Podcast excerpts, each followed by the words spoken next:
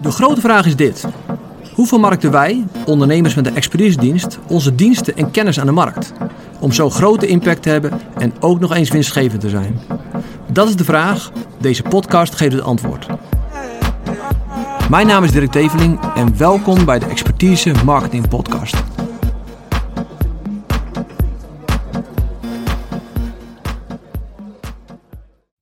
Vandaag ga ik het met je hebben over prijsmodellen. Prijsmodellen, de beste prijsmodellen voor jouw expertisedienst. Ik heb de afgelopen jaren wel uh, nou, zeker 500 ondernemers gesproken. In een gesprek van uh, een klein uur. En, en dan vroeg ik ook heel vaak: wat is je orderwaarde? Wat voor prijs hang je aan je producten? En dan, natuurlijk wisten ze dat. Uh, en dan was mijn vraag: okay, waar baseer je dan die prijs op? En dan werd het stil. Nou, uh, grote kans dat veel ondernemers dat hebben. Je, weet, je hebt een prijs, maar je weet eigenlijk niet zo goed op waar die op gebaseerd is. En misschien weet je het wel. Uh, en dan ga ik je een beetje uitdagen vandaag. Er zijn namelijk, en misschien is er meer, als, je, als er meer zijn moet je het laten weten. Maar zoals zover ik het zie, zijn er vier prijsmodellen. Uh, en het eerste is dat heel veel bedrijven hun prijs van hun dienstverlening baseren op die van de concurrent. Ik ben er geen fan van, uh, maar ik snap wel waarom mensen dat doen. Want ze gaan kijken, oké, ze zijn nieuw in de markt en ze hebben al een marktleider. En dan gaan ze kijken, wat doet de marktleider? Soms staat het op de, op de website en soms kunnen ze het via via achterhalen. Wat is dan de prijs van mijn concurrent? En wat ze dan doen, dan gaan ze daar net een beetje onder zitten. Nou, mijn advies is altijd, doe dat niet. Want als, jij, als, als de marktleider een bepaalde prijs hebt en jij gaat er net iets onder zitten, uh, dan positioneer je jezelf onder de marktleider. Terwijl, ik zeg altijd dan, als je dat al doet, en de vraag is of het het beste model is, maar goed, dat is een model, ga dan iets boven zitten. Ga dan iets boven de prijs van de concurrent zitten. Want jij bent een kleinere kantoor, je geeft meer persoonlijke aandacht. Uh, uh, jouw klant is geen nummer. Misschien eerder bij de grote partijen, bij de marktleider. Dus prijs jezelf iets hoger dan de concurrent. Als dat je model is. Um, het tweede is je, je, prijs bepalen op basis van je inkoop. Stel, je bent een, een, trainingsbureau of je moet een klus ergens klaren en daar is kennis bij nodig. Dan ga je denken, oké, nou dan moet ik twee keer twee trainers inhuren. Nou, dat kost x. Nou, dan betekent, dan ga je doorrekenen, ga je bepalen op basis van de inkoop. Wat uiteindelijk, dan moet er een marge overheen en dan bereken je op een gegeven moment, dit is het bedrag. Nou, het kan een model zijn als je veel met externe werkt en dus moet inkopen. Een derde model, en dat is eigenlijk het meest gebruikelijke model, is gebaseerd op aantallen en uren. Dus je gaat kijken, oké, nou, uh, voor dit traject heb ik uh, vijf licenties nodig. Uh, we hebben, dat, hebben er zoveel van nodig en bij elkaar gaat dat 250 uur kosten. Nou, dan hang je daar een, een uurtarief aan en zo bepaal je de prijs. Dat is hoe nou, Nederland jaar in jaar uit heeft gewerkt. En ik denk dat het niet het meest eerlijke model is. En ik zal uitleggen waarom. Um, nou, het voorbeeld, stel nou dat jij uh, bijvoorbeeld je, om het praktisch te maken, om het tastbaar te maken, jij bent heel goed in het ontwerpen van logo's. Je hebt er 20 jaar ervaring mee, heb je zo vaak gedaan. Uh, en dat betekent dat je gewoon heel erg goed bent in het logo ontwerpen. Betekent als je op uur wordt afgerekend, dat jij misschien wel in 4, 5 uur een goed logo kan ontwerpen. Nou, stel dat je uurtarief 100 euro per uur is, uh, kost dus 500 euro. Maar stel nou, je hebt een, een concurrent die is niet zo ervaren. Dat is eigenlijk iemand die is net, uh, nou, die, die, die, heeft toch, die studeert nog en heeft net zijn eigen bedrijfje gestart. en die rekent 50 euro per uur. Maar voor hem om tot een goed logo te komen, dat kostte misschien wel 40 uur. Nou, 40 keer 50, je weet het al. Uiteindelijk word jij afgestraft, krijg jij maar 500 euro voor een goed logo, omdat je zo goed bent. En dat is soms het oneerlijke van een, uh, nou, een model op basis van aantallen en uren. Het, uh, het laatste model, waar ik zelf wel fan van ben, is prijs bepalen op basis van resultaten. Dus op basis van uitkomsten. En ik denk dat dat veel eerlijker is en ook veel gezonder is dan al die andere modellen. Uh, en misschien ken je het verhaal, het is een leuk verhaal. Jaren terug bij de Telegraaf, in de gulden tijdperk was het nog, liep op een nacht de drukpers vast. Dus al die mensen die daar s'nachts aan het werk waren in paniek, want de drukpers kregen ze niet meer gestart en hij liep vast. Dus ze belden op een gegeven moment een, een bedrijf, uh, iemand uit bed. En een half uur later kwam hij daar met zijn slaperige kop binnen. Hij doet die deur open van die drukpers, hij stapt erin. Hij kijkt wat om zich heen. Hij zegt: Geef me een hamer. Nou, hij werd een snel een hamer aangedraven. Hij pakt die hamer, geeft een enorme hengst op een bepaald stuk metaal. En bam, hij liep weer. Nou, iedereen hartstikke blij, want er kon weer gedrukt worden en de krant kon de volgende dag netjes worden afgeleverd. Maar toen kwam het, toen kwam de rekening. En degene op de financiële administratie, die, die bekeek de rekening. Het was 2000 gulden.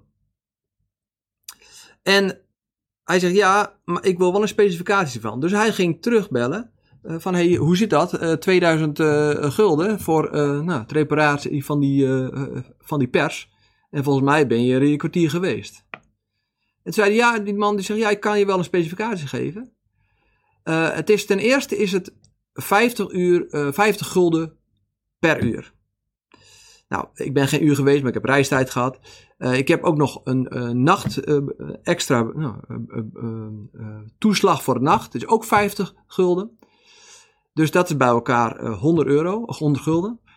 En hij zegt weten waar te slaan, dat is 1900 gulden. Nou, dat is denk ik de essentie. Als je een expertise hebt, dan weet je waar te slaan. Dan weet je wat je moet doen. Dat betekent dat je snel problemen kan oplossen bij je potentiële klant. Maar dat betekent ook, door je expertise moet je er ook voor betaald worden. En in dit geval kreeg die man voor zijn expertise 1900 gulden. Voor zijn tijd kreeg hij 100 gulden. Dus ga eens anders over je bedrijf nadenken. Ga eens anders over je expertise nadenken. Stel dat jij uh, een probleem oplost bij een klant waardoor hij bijvoorbeeld 20.000 euro per jaar bespaart aan kosten. 20.000 euro per jaar. En dat is jaar in jaar uit. Dat is de komende vijf jaar misschien wel gegarandeerd. Dan bespaar jij misschien wel 100.000 euro voor jouw klant eh, door jouw werkzaamheden. Nou, stel nou dat je daar maar 10 uur mee bezig bent, maar jij kan het fixen. Is het dan eerlijk dat je dan bijvoorbeeld 1000 euro krijgt?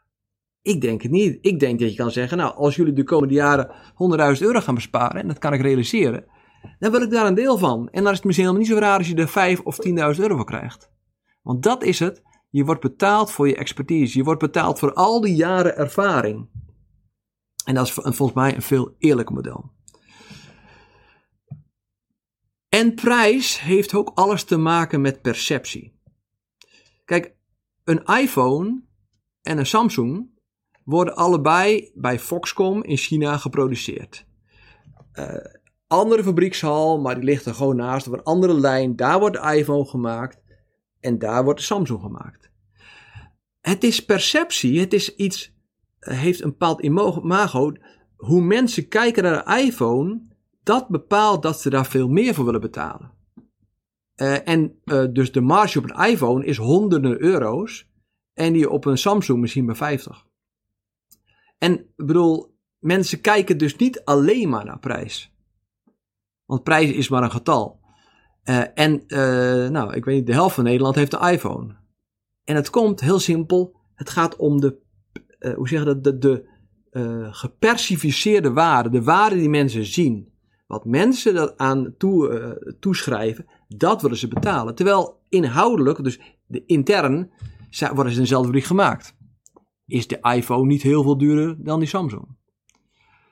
Uh, is wel leuk. Ik, ik zit hier in een bedrijf, verzamelgebouw. Uh, en toen ik hier kwam, toen sprak ik een ondernemer. En die, uh, ik vertelde een beetje, nou, wat doe die? Wat, doe je? En hij vertelde dat hij intellectueel property, bescherming van nou, speciale merken en zo doet.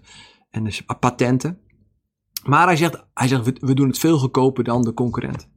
Want hij zegt, oh, en dan wordt hij een beetje boos. Hij zegt, de, de, de, de concurrent die rekent zulke belachelijke bedragen ervoor.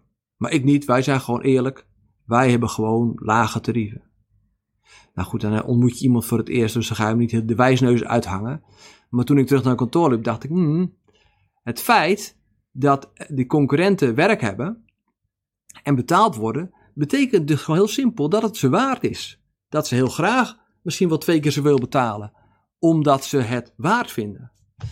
Uh, en door jezelf soms uh, in je prijs laag te zetten, is de perceptie ook vaak dat het minder goed is. Uh, stel je ziet een advertentie uh, van een Tesla, model van vier jaar geleden, en er zit een prijs bij van 5250 euro. Nou, wat is dan het eerste wat je denkt? Grote kans dat jij denkt, wat is er mis met die auto? Dat is wat ik zal denken. En daarom, door soms te lage prijzen te rekenen, en dus flink onder je, onder je concurrentie te gaan zitten, omdat je denkt, ja, ik, niet, ik heb niet zoveel geld nodig. Daardoor kan, je, kan de perceptie zijn van, oké, eh, betekent dus gewoon dat, dat dit een minder bedrijf is, dat het minder kwaliteit is, dat het nou, eh, minder goed is. Dus pas op ermee. Weet je, en ik ben ook helemaal niet voor om absurde bedragen, uh, dat is een beetje een trend, absurde bedragen te gaan rekenen. Helemaal, het moet gewoon goed zijn, het moet eerlijk zijn en het moet uh, waarde geven. Want, want dat is het. het. Het is een waardeuitwisseling. Uh, Warren Buffett, bekend belegger, die zegt: prijs is wat je betaalt, waarde is wat je krijgt. Dus nogmaals, prijs is wat je betaalt en waarde is wat je krijgt. Het is een uitwisseling tussen jij levert waarde en je krijgt er geld voor in ruil.